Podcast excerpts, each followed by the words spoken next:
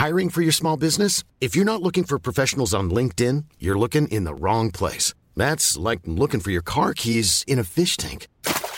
LinkedIn helps you hire professionals you can't find anywhere else, even those who aren't actively searching for a new job but might be open to the perfect role. In a given month, over 70% of LinkedIn users don't even visit other leading job sites. So start looking in the right place. With LinkedIn, you can hire professionals like a professional. Post your free job on linkedin.com slash people today.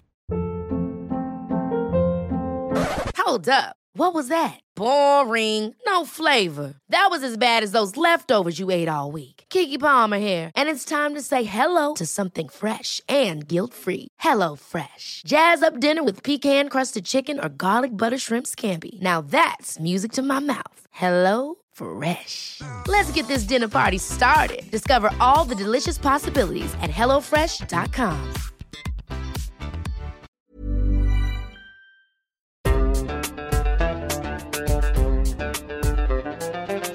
بودكاست صوت. مرحبا أنا تالا من فريق صوت. عم نحضر لكم موسم جديد من عيب. بس من هون لوقتها حابين نشارك معكم حلقة خاصة من إعداد وكتابة زميلتنا عزة قرقس عن نوال السعداوي اللي فارقتنا قبل أسبوع من اليوم. فأنا في البيت في الجيزة قاعدة كده بصيت لقيت الباب بيخبط. فتحت الباب لقيت أمامي رجل طويل صعيدي عريض. بيقول لي أنت دكتورة نوال السعداوي قلت له أنا طبعا تعبت فأنا قلت الصعيدي ده يعمل إيه؟ فدخل. ومعاه كتاب قال لي الكتاب ده بتاع حضرتك؟ قلت له أيوه. قال لي حضرتك اللي مؤلفاه؟ قلت له أيوه أنا مؤلفة الكتاب. قال لي صحيح. المعلومات الطبية دي؟ قلت أيوة وأنا موثقاها. وبعدين جبت ورقة وقلم وقعدت أشرح له. هو حكى لي قصة بنته بقى وبنته حكت لي القصة. فقعدت ساعة ونصف أو ساعتين أشرح له آه، ال- ال- التشريح الفسيولوجي لل- للمرأة. وقال لي أنا مدين لك بحياة ابنتي. لأنك بس أنا بلومك. أنا بلومك. ليه ما كتبتيش الكتاب ده من زمان؟ وليه الكتاب ده مش بيتوزع على الملايين؟ هل الكتاب ده بيتوزع على الناس؟ هل كل الناس بقوا زي بنتي بيعرفوا الحقيقة دي وعندهم الجرأة إنها تديني الكتاب وكده؟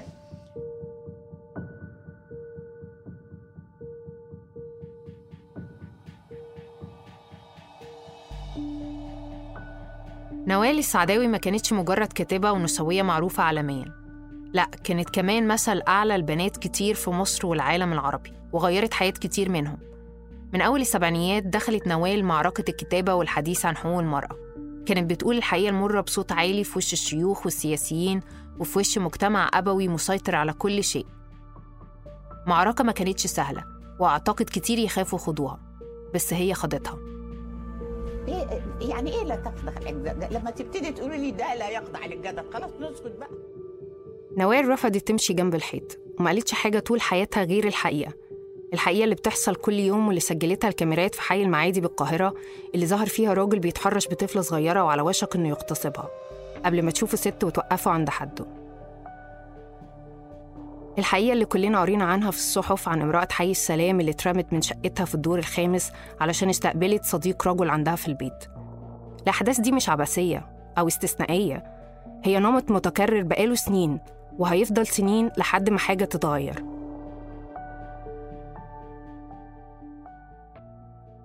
العنف القائم على النوع الاجتماعي واللي بتعيشه المرأة في مصر والعالم العربي بشكل فج هو ده اللي اتكلمت عنه نوال السعداوي طول حياتها. وده اللي دفعت ثمنه غالي. اتسجنت واترفدت من شغلها واتهددت بالقتل من إسلاميين وهربت من مصر وعاشت في المنفى لسنين. دفعت ثمن غالي جدا علشان بس تقولي الحقيقة. كانت دايما تقول بيقولوا عليا إني ست متوحشة وخطيرة علشان بقول الحقيقة. لكن الحقيقة هي اللي متوحشة وخطيرة.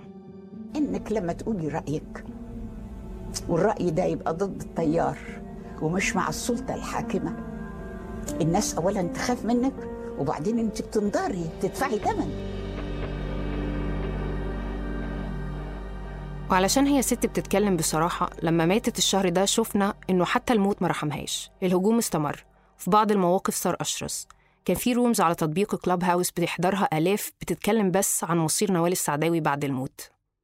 I should be more outspoken. I should be more aggressive. Because the world is becoming more aggressive. And we need people to speak loud against injustices and to be fair.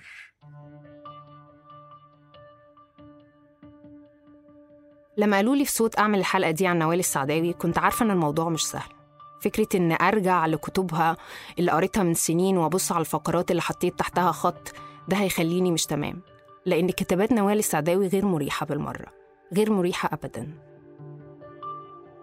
بتفكرني بالتحرش اللي اتعرضت له في شوارع القاهرة. ومجتمعنا اللي دايما في صف الراجل. القراية لنوال السعداوي بتخلي التروما اللي نايمة جوانا إحنا الستات اللي بيقروا لها تصحى تاني. وبتفتح عينينا على بشاعة الجرائم اللي بيقوم بيها مجتمع أبوي محافظ متدين ضد المرأة من أول ما بتتولد لحد ما بيدفعها على حبل المشنقة. زي ما حصل مع فردوس الشخصية الرئيسية في كتاب امرأة عند نقطة الصفر. فأنا كنت شقية جدا.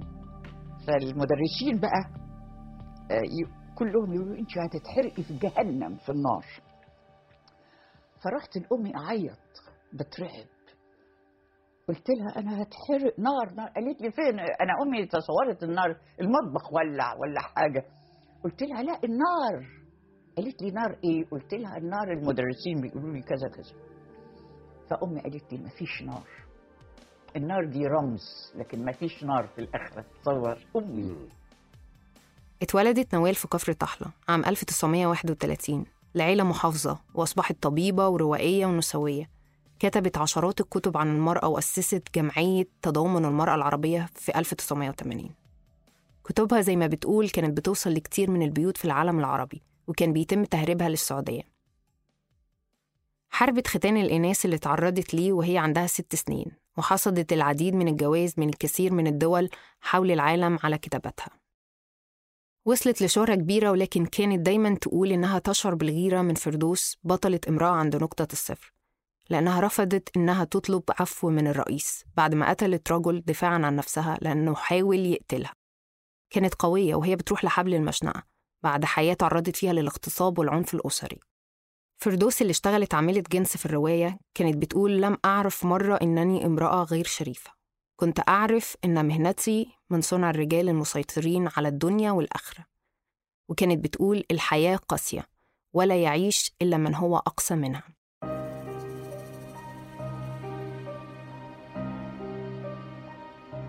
في السبعينيات نشرت نوال كتاب المرأة والجنس واتكلمت فيه عن الختان والهوس بعذرية البنات والعنف اللي بتتعرض ليه المرأة الريفية ونتيجة للكتاب ده اترفدت من شغلها في وزارة الصحة ومن نقابة الأطباء. وده كان من ضمن الكتب اللي نوال دفعت ثمنها غالي جدا. الكتاب ده طلع من ستين سنة وأنا كنت ساكنة في الجيزة هنا جنب المكتبة. و... وكان طلاب الجامعة لما الكتاب طلع المرأة والجنس طبعا الحكومة المصرية صادرت آه، منعته. الحكومة منعته. صودر تماما. وبعدين نشرته في بيروت لكن الشباب ما عرفش جابوه إزاي. يا إما آه، كانت مكتبه دار الشعب هي اللي نشرته. يا إما كانوا بيخبوه ويوزعوه. المهم طلاب وطالبات الجامعة لقوا الكتاب وبقوا يقروه ومنهم طالبة من الصعيد. قرت الكتاب وهي طالبة. فعجبها الكتاب زي أمل كده وتغيرت. وبصت لقت إنها عايشة بجسمها دون أن تعرفه. يعني إزاي المرأة تبقى حاملة جسمها ومش عارفة إيه هو؟ ومتصورة إن جسمها فيه غشاء بكاره وقد تكون مولودة بدون غشاء بكار وهي لا تعلم وتتقتل وهي لا تعلم. نوال كانت مثيرة للجدل زي ما بيصنفها الإعلام. كانت ناقدة للوضع السياسي في مصر اتقبض عليها في عهد السادات واتسجنت. ولما خرجت كتبت مذكراتي في سجن النساء اللي اعترفت فيه إنها بطلت خلاص تخاف من السجن. كان ليها موقف واضح وثابت من المجازر اللي بتعملها إسرائيل في الفلسطينيين وغزو أمريكا لأفغانستان والعراق. وكانت دايما بتنتقد دعم أمريكا الدائم لإسرائيل وضد استخدام الإخوان المسلمين للدين في السياسة. وفي ثورة 25 يناير في ميدان التحرير صارت ضد نظام مبارك وبعدها انتقدت المجلس العسكري بشدة لما ماتت هاجموها الإسلاميين لأنها دعمت نظام السيسي ضد حكم الإخوان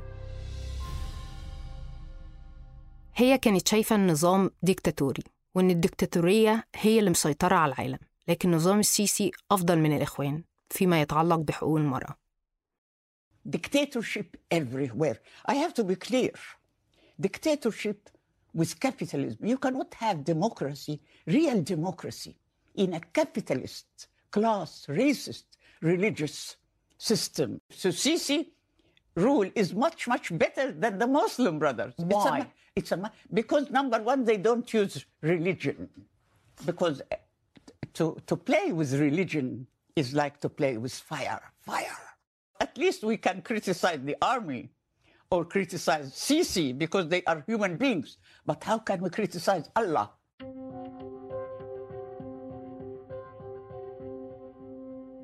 الموضوع طبعا مش بالسهولة دي وقابل للجدل.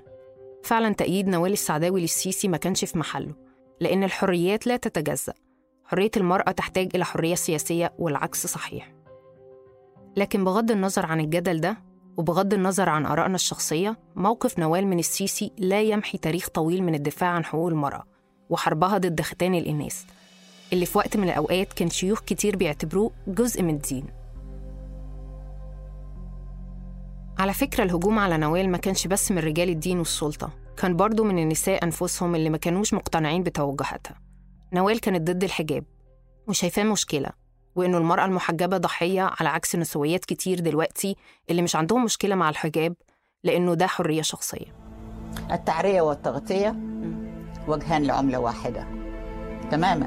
المرأة اللي بتتعرى يعني بتقول أنا بفكر في الجنس والمرأة اللي بتتغطى يعني معناها بتفكر في الجنس.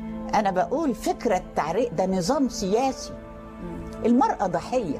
المرأة اللي بتتعرى أو اللي بتتغطى هي ضحية مجتمع رأسمالي طبقي أبوي ذكوري. يا إما بيعاريها عشان يتاجر بيها في السوق. يا إما يغطيها يتاجر بيها في الدين أيضا.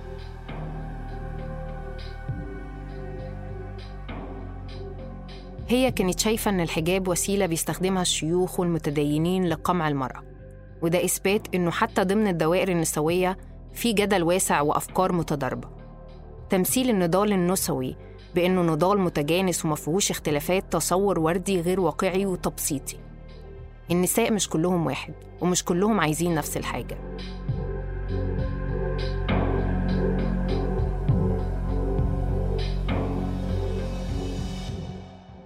نوال السعداوي كانت مثيرة للمتاعب والمثيرين للمتاعب هم دول اللي بيعملوا تغيير حقيقي.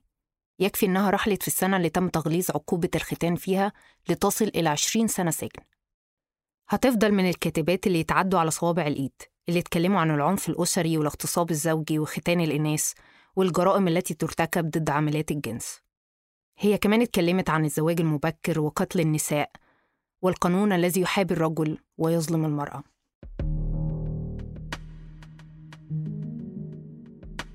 نوال هتفضل من المصريات القلائل المسجل اسمهم في أقسام وزارة الداخلية والشؤون الاجتماعية مصلحة السجون وإدارات الرقابة على النشر واسمها دايما موجود بالقائمة السوداء في مطار القاهرة I don't believe that the rights of women come from the government, from any government. I believe that women gain their rights by their own efforts. The people themselves should fight for their right.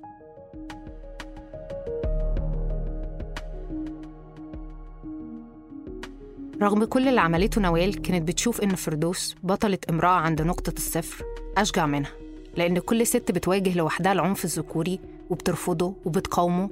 هي ست شجاعة حتى لو ما كتبتش كتب وبقت مشهورة. أهم حاجة اللي بتغير الشخص بتخليه يا إما يبدع يا إما يقول كلمة حق يا إما يبقى شجاع من الطفولة.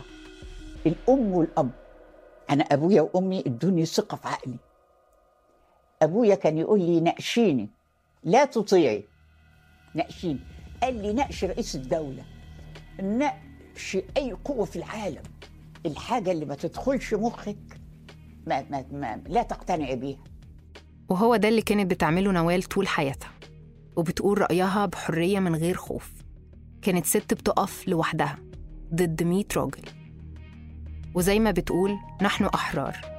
ندور كما نشاء حول أنفسنا أو حول غيرنا أو لا ندور. ونوال السعداوي كانت حرة دوما. حتى في لحظاتها الأخيرة حينما قررت هي أن لا تدور. ارقدي بسلام نوال.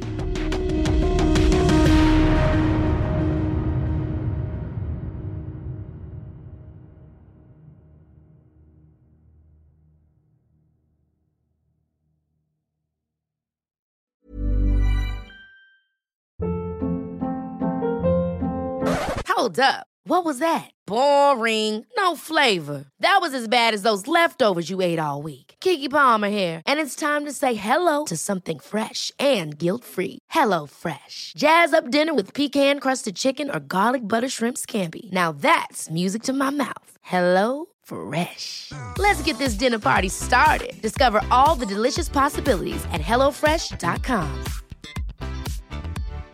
If you're looking for plump lips that last, you need to know about Juvederm lip fillers. With Juvederm Volbella XC and Juvederm Ultra XC, your lip look, whether it's subtle or bold, can last up to one full year with optimal treatment and no additional maintenance. Find a licensed specialist and see if it's right for you at juvederm.com today. That's J U V E D E R M.com. Add fullness to lips in adults over 21 with Juvederm Volbella XC or Juvederm Ultra XC. Do not use if you have severe allergies or a history of severe allergic reactions, or if you're allergic to lidocaine or the proteins used in Juvederm. Tell your doctor if you have a history of scarring or taking medicines that decrease the body's immune response or that can prolong bleeding. Common side effects include injection site redness, swelling, pain, tenderness, firmness, lumps, bumps, bruising, discoloration, or itching. As with all fillers, there's a rare risk of unintentional injection into a blood vessel, which can cause vision abnormalities, blindness, stroke, temporary scabs, or scarring. For full important safety information, visit juvederm.com.